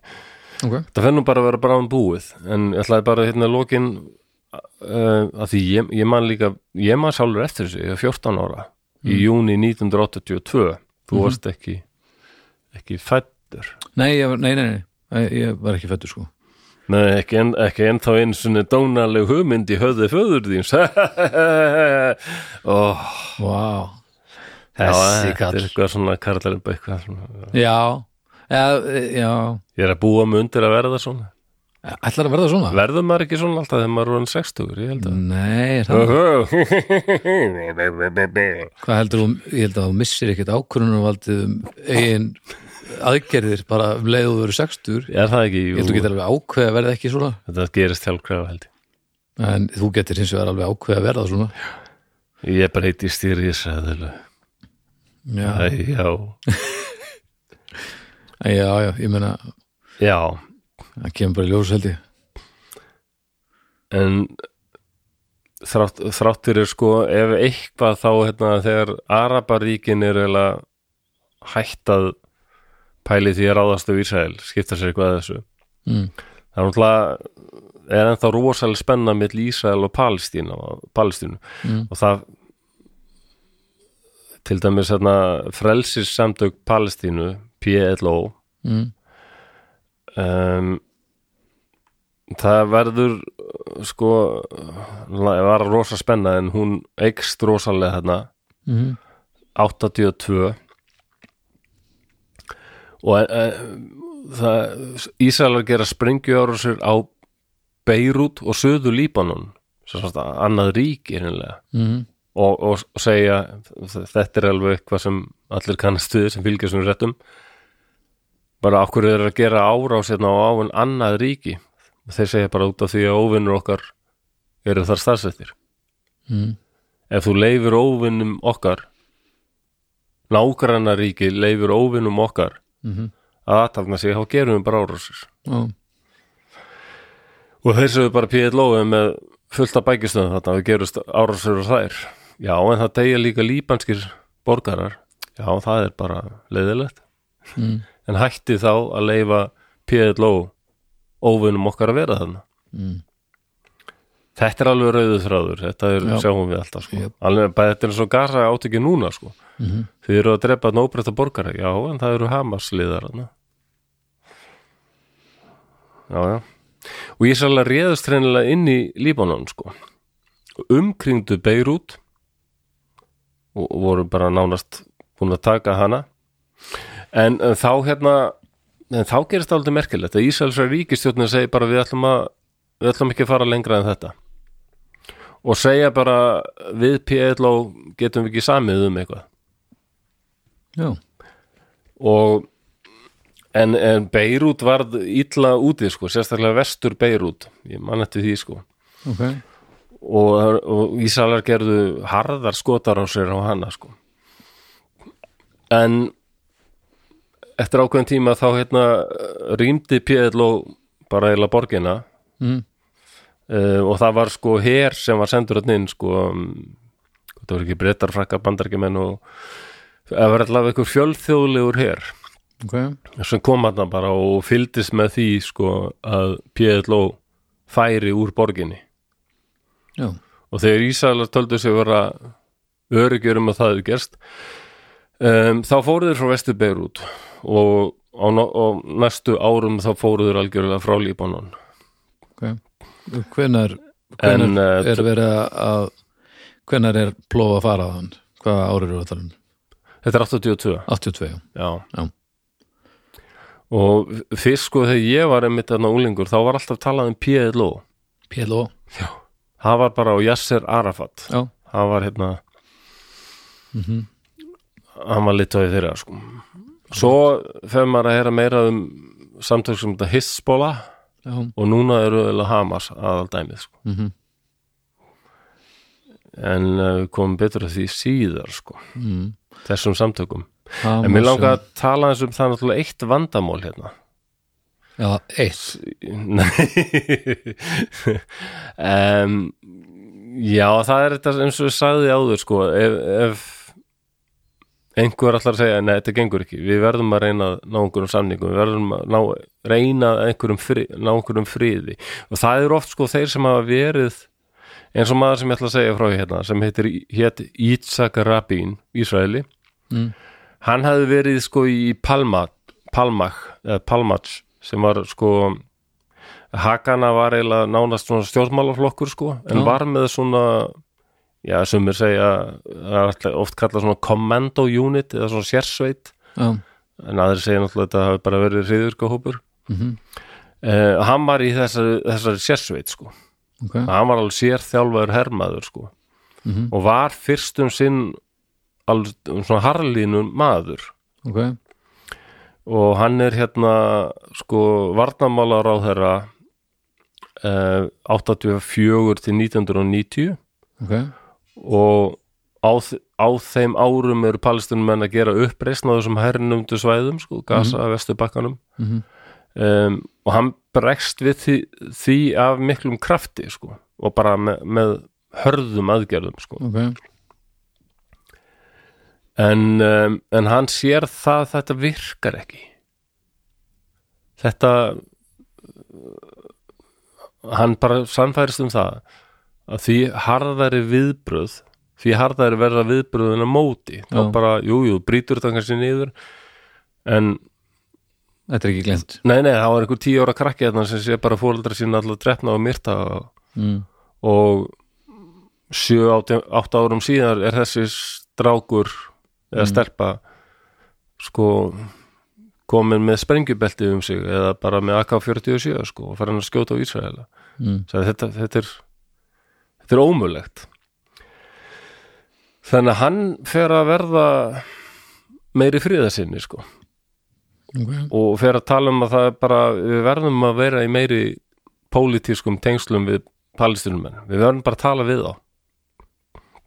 Og hann hafði áður verið svona haukur já, það þekkti hann allir sem þetta var bara menn, hann hafði verið sérsveitar maður og verið í hernum, hann hafði alveg lent í bardugum heldur betur sko. Svona, og hann hefði áður sem, áður sko sem stjórnmálmaður hvað sér alltaf að spyrja ykkur nei, bara, hann hljóma svona eins og maður sem að núna sköllóttur en var með stallaglimingu já. Um, þannig að almengur hafði smá bar alveg tröst til hans vissu, hann getur alveg verið harður ef, ef hann telur ástæðu til. Já, þannig að fólk hugsaði við treystum honum kannski til þess að Meta gefa aðeins eftir Já. án þess að öryggið sér skert og, me, og, já, meta aðstæður og, Já.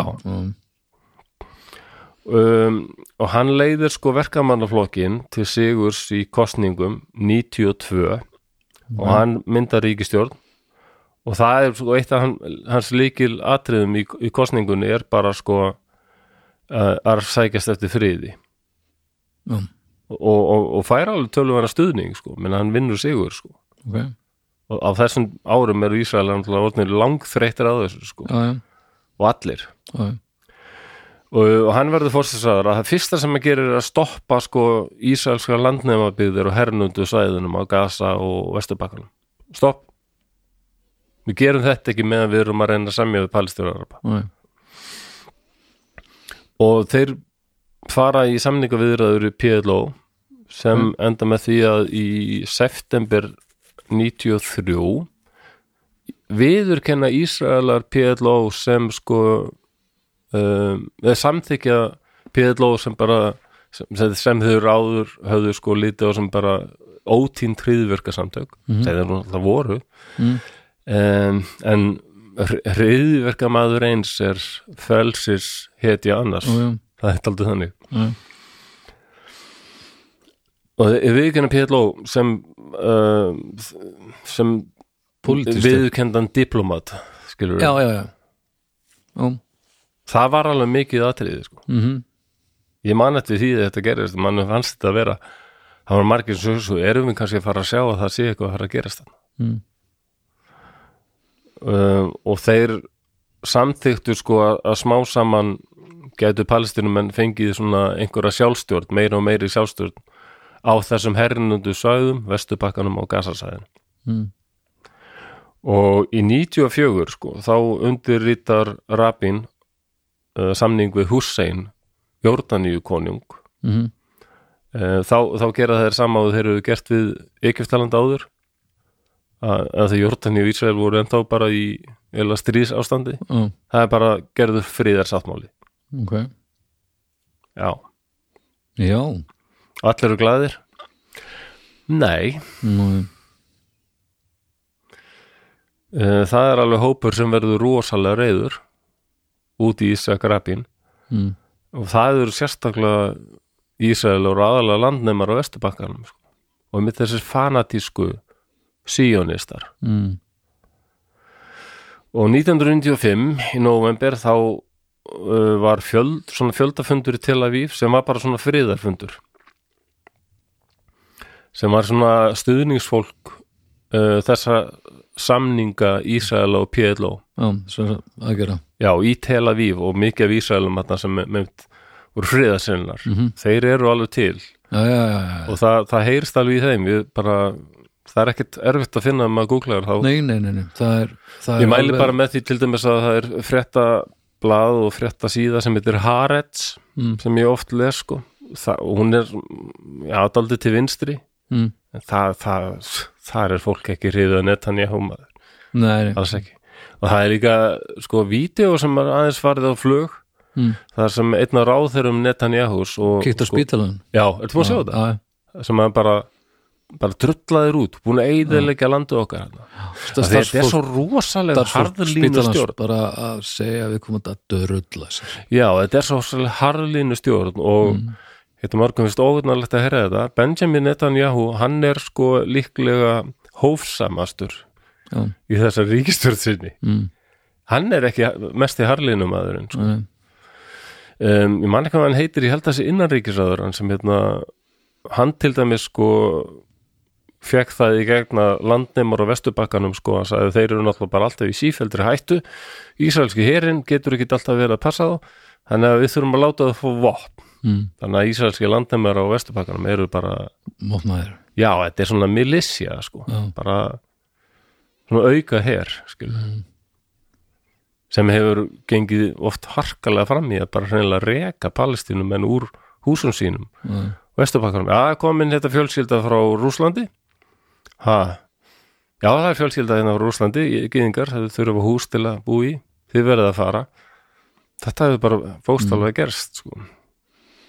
En þetta er ekkert falið neitt sérstaklega, það er auðvöld að sjá vídeo þar sem uh, fólk er að taka upp á símanu sína bara, þau verður að rekka palestinum en burt, sko. Það eru stórir svo að það sé skýrt tekið fram þá eru stórir hópar geðinga út um allan heim sem eru gríðala móti því Mjög. sem er að gerast. Já, já, og e, í Ísrael líka.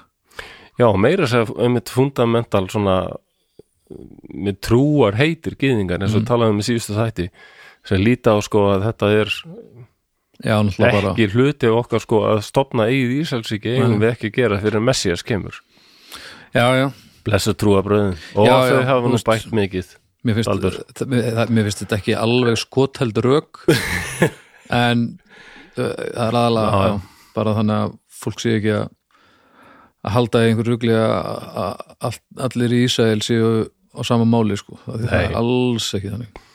En það er náttúrulega eins og kristnir segja sko að Ísa, Ísraelar gyðingar bara mistu af þeir föttu ekki að Messias er löngu komin sko.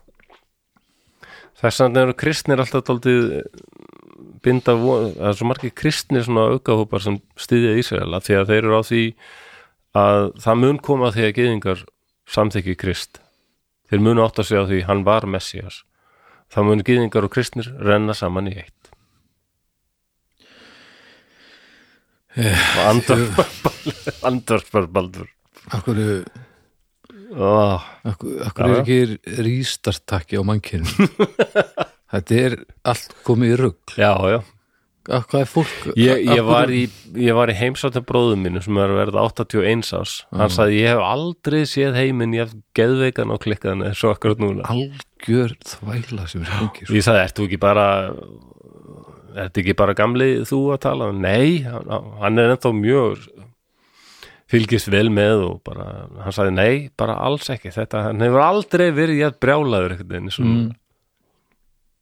Já, já. Já, Já, og það er þessi fjöldafriðarfundu fundur og rapin allar halda þarna ræðu. Mhm. Og þá ríkur til þarna maður með byssu Mm. og tekur hann og skýtur hann til bana. Þetta var gyðingur. Öfgamaður úr rauðum gyðinga. Mm. Tölum maður sem Anvar Sadat af því hann, að því að þeir voru náttúrulega þetta er bara landræðamaður að gera samning við þessa óvinn okkar. Já, það er engin friður. Skilja Anvar Sadat, hann var ekiskur herfóringi, mjög svona já, svona sjarmerandi kall. Er þetta tala um þann sem þú varst að tala um á hann? ég myndist eitthvað á hann en Já. þetta, mér langaði að tala um Ítzak Rabin og Anvar Sadat út af því að, já, það kemur bara í ljós. En þetta, Anvar Sadat, hann var ekiskur herfóringi og stjórnmálmaður hann var, stjórn, hann var fórsetið Egyptalands frá 70 til 81 Mm uh, og hann er sem sagt fórsetið Egyptalands þarna 73 í Jóm Kippur stríðinu sko, og er fyrst harður sko gegn Ísrael. -hmm. bara á því að reyna að beita hervaldi gegn þeim sko. Mhm. en eins og uh, Rabin þá fer að hugsa að þetta er ekki hægt og hann, hann byrjar svona fyrstu alvarlegu friðar viðræðunar við, við Ísrael mm. og 78 þá fær hann sko friðarvelu Nobels fyrir þetta Hvað? og hann og fórsetsáður í Ísrael Menachem Begin þeir fá friðarvelunin, deila þeim sko okay. þegar þeir voru raunverulega að reyna að að stuðla að, að, friðatímum og uh, það er semst, undirritaður fullur friðarsáttmáli þarna 79 mm.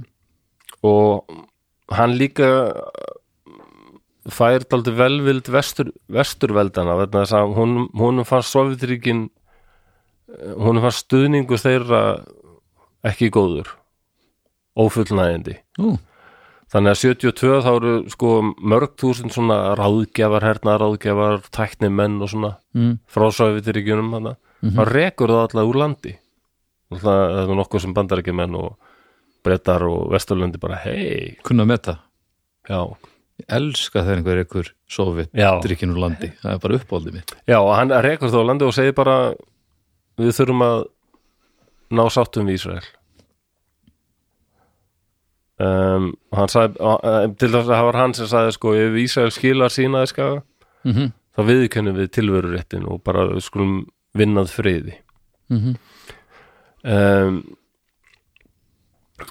en, en hann sko hann, hann byrjaði því en Ísraelar voru ekki til í það og þá, reynaður endur, endur heimta þetta landsvæði með hérna, stríðinu hérna, 73 -hmm. já og þrátt fyrir að sko já, við myndum kannski telja sko að Ísrael hefur vel unnið þetta stríð en, en Ísraelum finnst það ekkit endilega í dag sko, þeim finnst þetta stríð hafi verið staðið mjög tæft finnst Ísraelum já, Já. og, og Egiptar litu eiginlega á þetta sem sko sigur og, Ok. og hann stór hækkar í áliti sérstaklega innan Araba heimsins af því að er þetta er fyrsti arabíski leiðtóðin sem næra endurheimta eitthvað landsvæðið af Ísrael já. Vá. en eftir þetta stríð þá snýr hann sig alveg bara, þá er hann alltaf fann að tala eins og algjör dúfa og ég veit ekki, þau sem Já. ekki ekki þetta er svona hugtak ég veit ekki, ég tengið alltaf bandarækjumenn eða eitthvað sem töluðum sko hók eða dúfa sko, haukur er sá sem er meira svona í Vígahaug. áttina stríði sko, haukur í vígahaug stríðsinnaður en dúfan vill frið. Þú var í bongotónum hring hann, að hann var haukur eins og rabín mm en fer að breytast aldrei í dúfu sko. og uh, hann vekur til dæmis vakti rosa lategli í nóvember 77 þegar hann fer í heimsókn. Opinbera heimsókn til Nei, ekki eiginlega opinbera heimsókn heldur bara, fór hann bara heimsók já, þetta var áður en þeir hérna, er nú ekki mikið til að áður en þeir undurrituð friðarsamningana sko, já, já, já, já, já, ég skilji þá ferðast hann til Jérúsalem já, ok, ég skilji og, okkur og, það og athygli. kemur fram bara í Ísraelska þinginu sko og leggur fram hérna, áætlunum við þurfum að semja frið. Já, ok, ok, það er frekar það er frekar næst múf Já, þetta gáttu Ísrael ekkert vera alltaf þrýstingur og þá líka bara já, hætt bara guðana bænum. Já, já, en enga síður, ég meina og, og margir Ísraelar sem líka voru döðþreyttir og svo ánæðir að loksir, það er araba leitói þarna sem hefur koma til móts við okkur hefur sko. bara verið stressandi heimsóksund Já, en þetta sko, Jimmy Carter bandarækja fórstið, hann var mjög ánæður með þetta og hann gekk mjög hart fram sko, hann var milligöngu um samninga viðræður sko, ok, sem til dæmis sko voru hérna undirritaðar hann í Camp David sem er í bandaríkjónum mm. sem var svona friðarsamningum milli Ekvitalands og Ísrael. Mm en Sovjetríkin voru ekki hrifin að þessu en það búið að reka þá bara heim. Já, en þeir voru á móti Sand- Sadat og Araparíkin voru ekki hrifin að þessu heldur sko. að þessu múfi hans. Já, og, og harðir uh, harðir múslímar til dæmis uh, voru ekki hrifnir að þessu. Mm og en Sadat og, og Menachem Begin um, fá sem sagt þarna friðar, friðarvelunin mm 78 sagði það ekki, jú 78 mm. og, og þeir halda áfram að tala saman og 79 eins og sagði þá er friðarsáttmáli milli Egyptalands og Ísrael sko, sá fyrsti. Sá fyr, fyrsti sko friðarsáttmáli sem Ísrael gerir við aðra ríki. Mm. og hann fer að verða alltaf bæði vinsall í Ísrael og á Vesturlöndum. Uh, hann, hann, var já, Satan. Já, já, en uh, ekki í Egyptalandi. Nei. Bæði það sko að líka það var versnandi efnahagur Mm. þar sem hann, hann stóð sig þótti standa sér besti í utaríkispolítíkinni innarríkis, ja, það er svona Já, ekki já. allir Egyptar sem er á því að hann hafi verið neitt frábær sko. Ok, og hann, hann- það er alveg að ásaka hann um klunarskap þar sko því að 81 um, þá let þá var sko verkfall, hann let laurugluna brjóta það upp og það voru alveg um 2000 mann sem voru fangilsæðir og margir pólitískir fangar sko. Já, ok. Já, Þannig að, en hann var að reyna að ná fríð þarna í miðausturlöndum eins og í trekkarapin sko og í nóvember 81 þá hérna er sko eh, svona minningardagur um Jóm Kippur stríðið mm þar sem satat er og þá stekkur til meðlemur Islamic Jihad. Mm Egipta, Egipska Egipta hlutinum sko, eða sem sagt öfg, öfgamuslimi já, stekkur til og tekur og skýtur hann til bana. Já. þannig mér langaði að minnast á þessa tvo.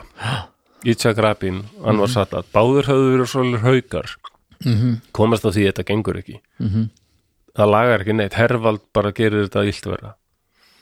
Við verðum að reyna að ná okkur samningum bara friðsamlega. Og þeir eru báður teknar lífi af eigin fólki sko. af öðrum Já. og öðrum eða og eða nýjum haukum sem Já. eru ekki annarkvort ekki konur á sama stað eða munu aldrei komast á þann stað.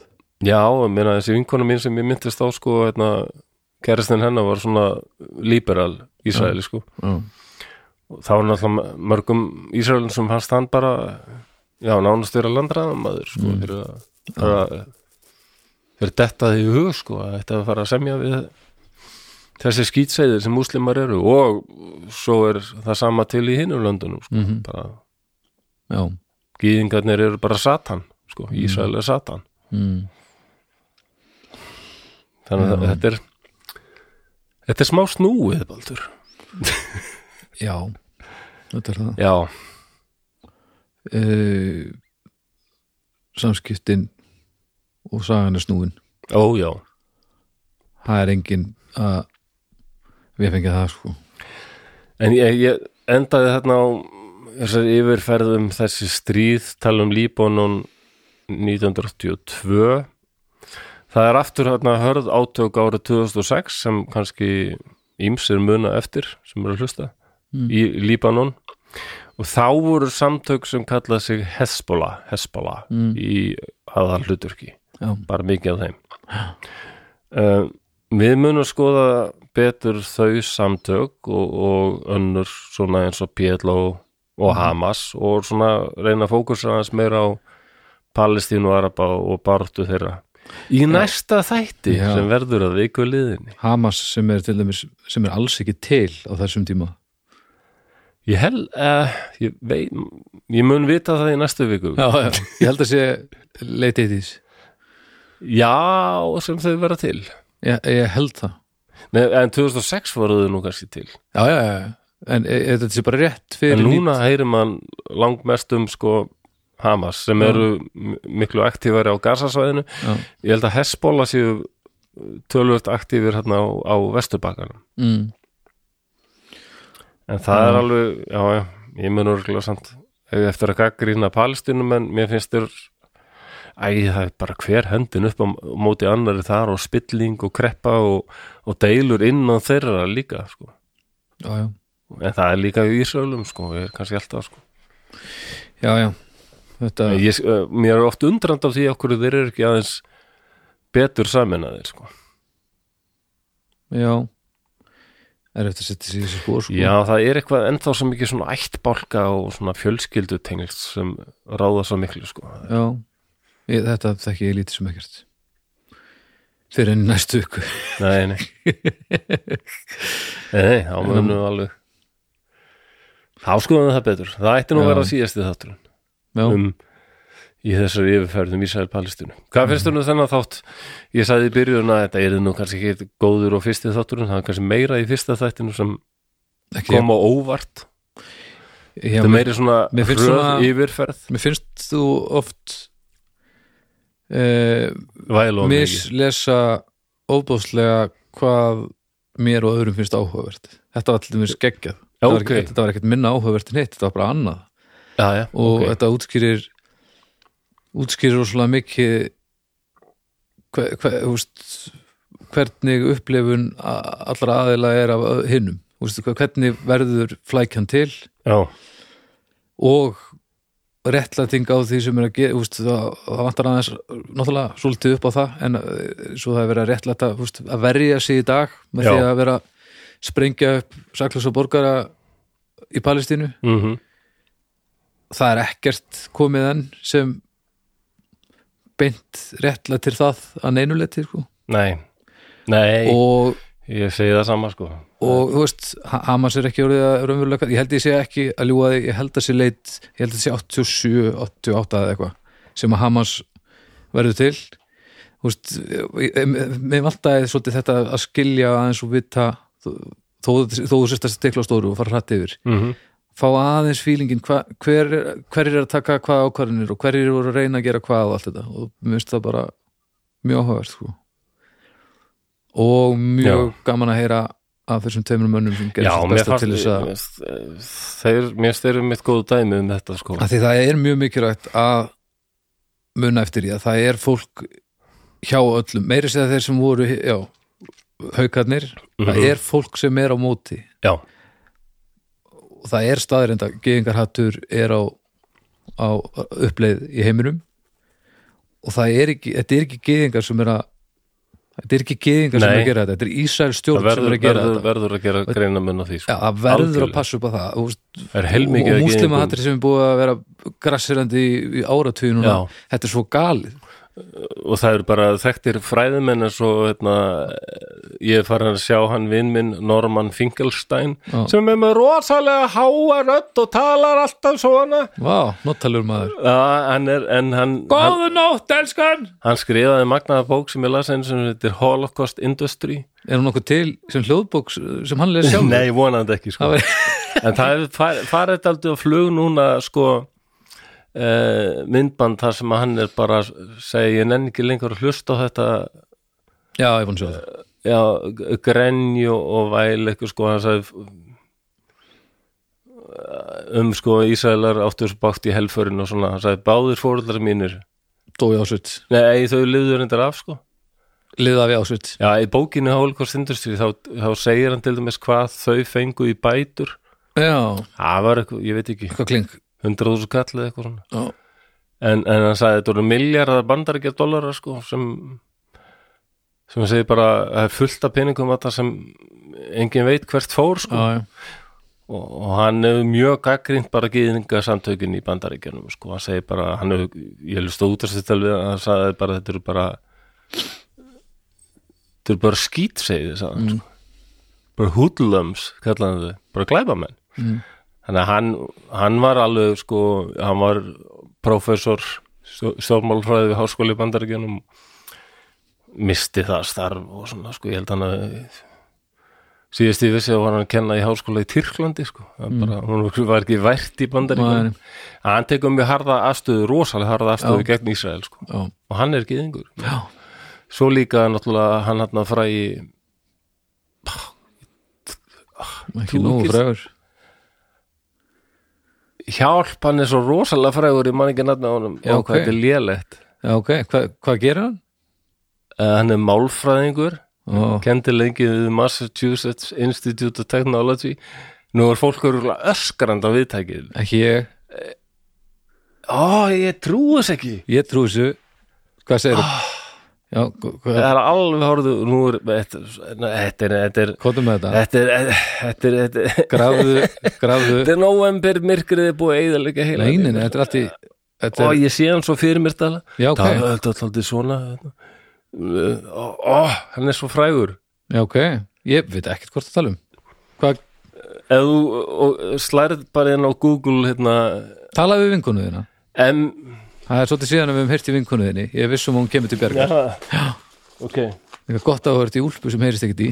Hvað, akkur ertu í úlpu úr álpapir? Það er álpapir, svo- hann svo einangrandi. Já, náttúrulega umhverfisveit Ok, Google. Can you help me, please? I need your help. Ah, svar, Hún svarar ekki. Ok, Google. Can you help me? I really need your help right now You can say, play some music on YouTube No, no. Music. Nei, nei. Or, what movies are playing? I don't need that I need help uh, what... Hello Uh, Give me a name of a famous Jewish professor from MIT Here are some results from a survey. Já, Noam Chomsky Hjálp, hvað ég, það var alveg stólu úr mér Nú kann ekki alveg eins frægur átti vonu Hann er rosalega frægur, Noam Chomsky Geggjaður. Hann er, hann er mjög að gefa út fullt af bókum og ja. mikið Hvað sagði hann héti? Noam Noam. Chomsky. Chomsky. Jú, ég hef nú heyrt Hann er komið hingað sko og það, hann er svo frægur að þetta voru menn sko sem voru bara að byggja um eigin þetta ráðutun held hefur mjög gaggrinn á uh, stjórnmál í bandaríkjunum. Mm. og hann gaggrinnir Ísrael harkalega, þeir eru báðir gyðingar þessi menn sko, Norman Finkelstein og, og Noam Chomsky. Já. þannig að eins og segir, það er mikil ekki tætt í þá grifju Nei, að kalla alla gyðinga sko stuðnismenn Ísrael því það er bara alls ekki þannig. Nei. Nákvæmlega, ekki, og, og ekki heldur fallið þá greifju að láta eins og allir í Palestínu séu Hamas megin, Hamas er ekki Palestína. Og, og Ísraelstjórn er ekki fólki í Ísrael og gyðingar. Nei Hamas er, er aukafull samtök sko. Já, að En ekki þau eru með að eiga það að þau eru ágætlega skipulöðu sko. Það er eitthvað svona saminning eða svona samhugur hjá þeim. Það er ekki eins og hver höndin sé upp á móti annari þar. Nei, ég svo sem þekki það ekki jafnvel og þú akkurat núna. En bara, ég er bara að meina að fólk fall ekki þá greifu að láta eins og að þú getur sett alla í einn hóp bara, Nei, já það er svo auðlust að þessir að gera þetta að því að þessir þetta er ekki alveg svona einfalt. Og, og líka bara það er ekki nógu maður, ef maður ætlar að hafa hátt að vera maður allavega að reyna að gera sitt besta allavega aðeins. Að reyna að skilja og reyna að greina og og nota heilan til þess að fordam ekki fólk sem að setur í sama flokk og eitthvað allt annað fólk mm Mhm. pældu í pældu í hvernig þetta er ekki er að tala um og Arsenal Nei, sko. hvernig, hvernig er búið að tala um muslima í allas áriði og geðinga, ég meina, pældi í þessu. Þetta er svona heiti hvað ætli þessu margir undir þessu? Já, sem eru með alls konar ólíka skoðunir já, mú- nei, múslimar eru slæmir. Hvað er þetta margir, hvað eru múslimar margir? Það eru eitthvað miljardar? Það eru nokkri miljardar eru þið eitthvað galin? Þetta er svo þetta er alveg magnað sko. Og um, þetta er ekki einu sinni þetta er ekki konsept sem að tekur Nei, nei, það langan tíma að að átta sig á sko. Múslimar vilja allir bara drepa alla kristna? Nei, þá myndir Nei. nú mörg ríki vera bara flæðandi í blóði. Það-. Lang flestir vilja bara lifi í fríði Þessi vinkonum minn sem ég talaði við, hún var mitt á Vesturbakkan og heimsótti þar hjón sem er, ha- hann er palestínu arabi og hún er gyðingur sko. Mm, þau sagði bæði, bæði bara það sem allir vilja er bara friður til að bara já, geta verið heima hjá sér án þess að hafa ágjur af því að einhver sprengju þótt að komi og bara sem lættir úst. Það er það sem meiri hlutin náttúrulega bara vill.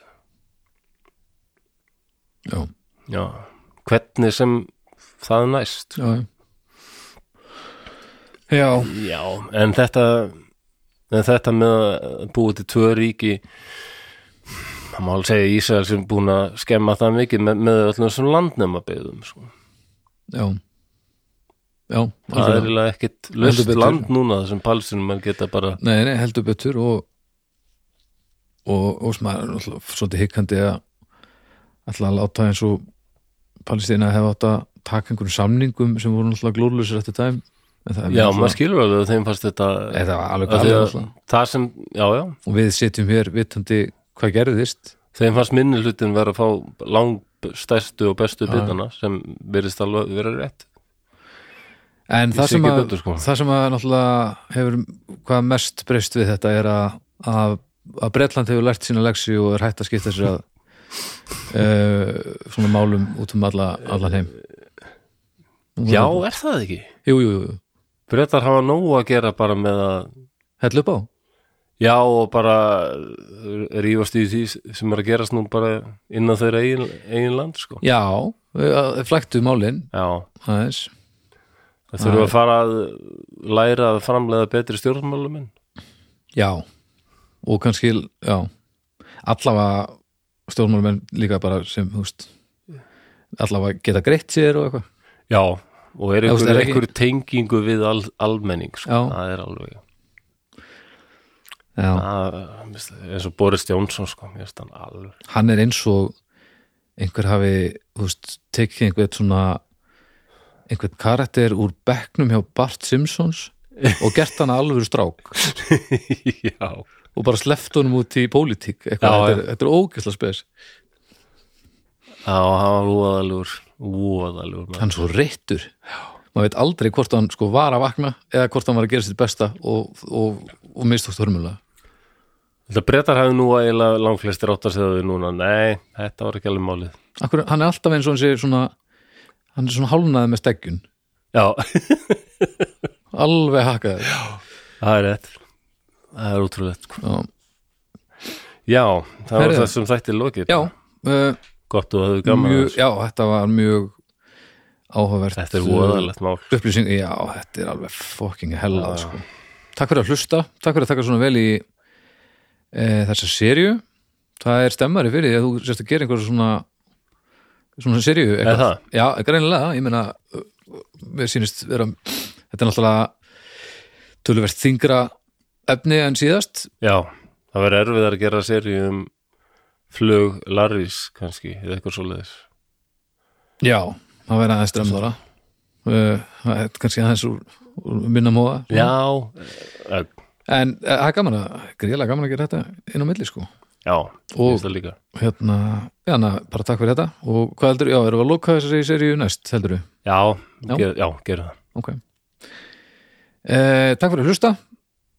Eins og við segjum uh, vonandi meir og minni hvert einasta skipti þá eru þið raunverulega ástæða þess að við erum að gera þetta og getum gert þetta. Það er rétt.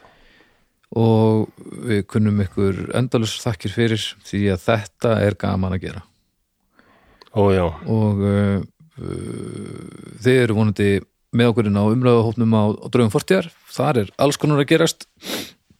Þar er fullt af upplýsingum um mál sem við flossi hefur farið í gegnum um uh, efni sem við höfum ekkert snert á en fólk hefur áhuga á. Það eru alls konar umræður um já bara, nú, það hefur líka komið tungumála pælingar og, og, og bara og gaggrinni á okkur og hitt og Já, þetta já, upp á síðkasti og er þetta er allt saman mjög skemmtilegt. Já, þannig að endilega hérna kikið þangað, það er draugarforstíðar umræðu hópur svo bara heyrist þið aftur í næstu viku er ég hrættur um, er það ekki? Engi spurning.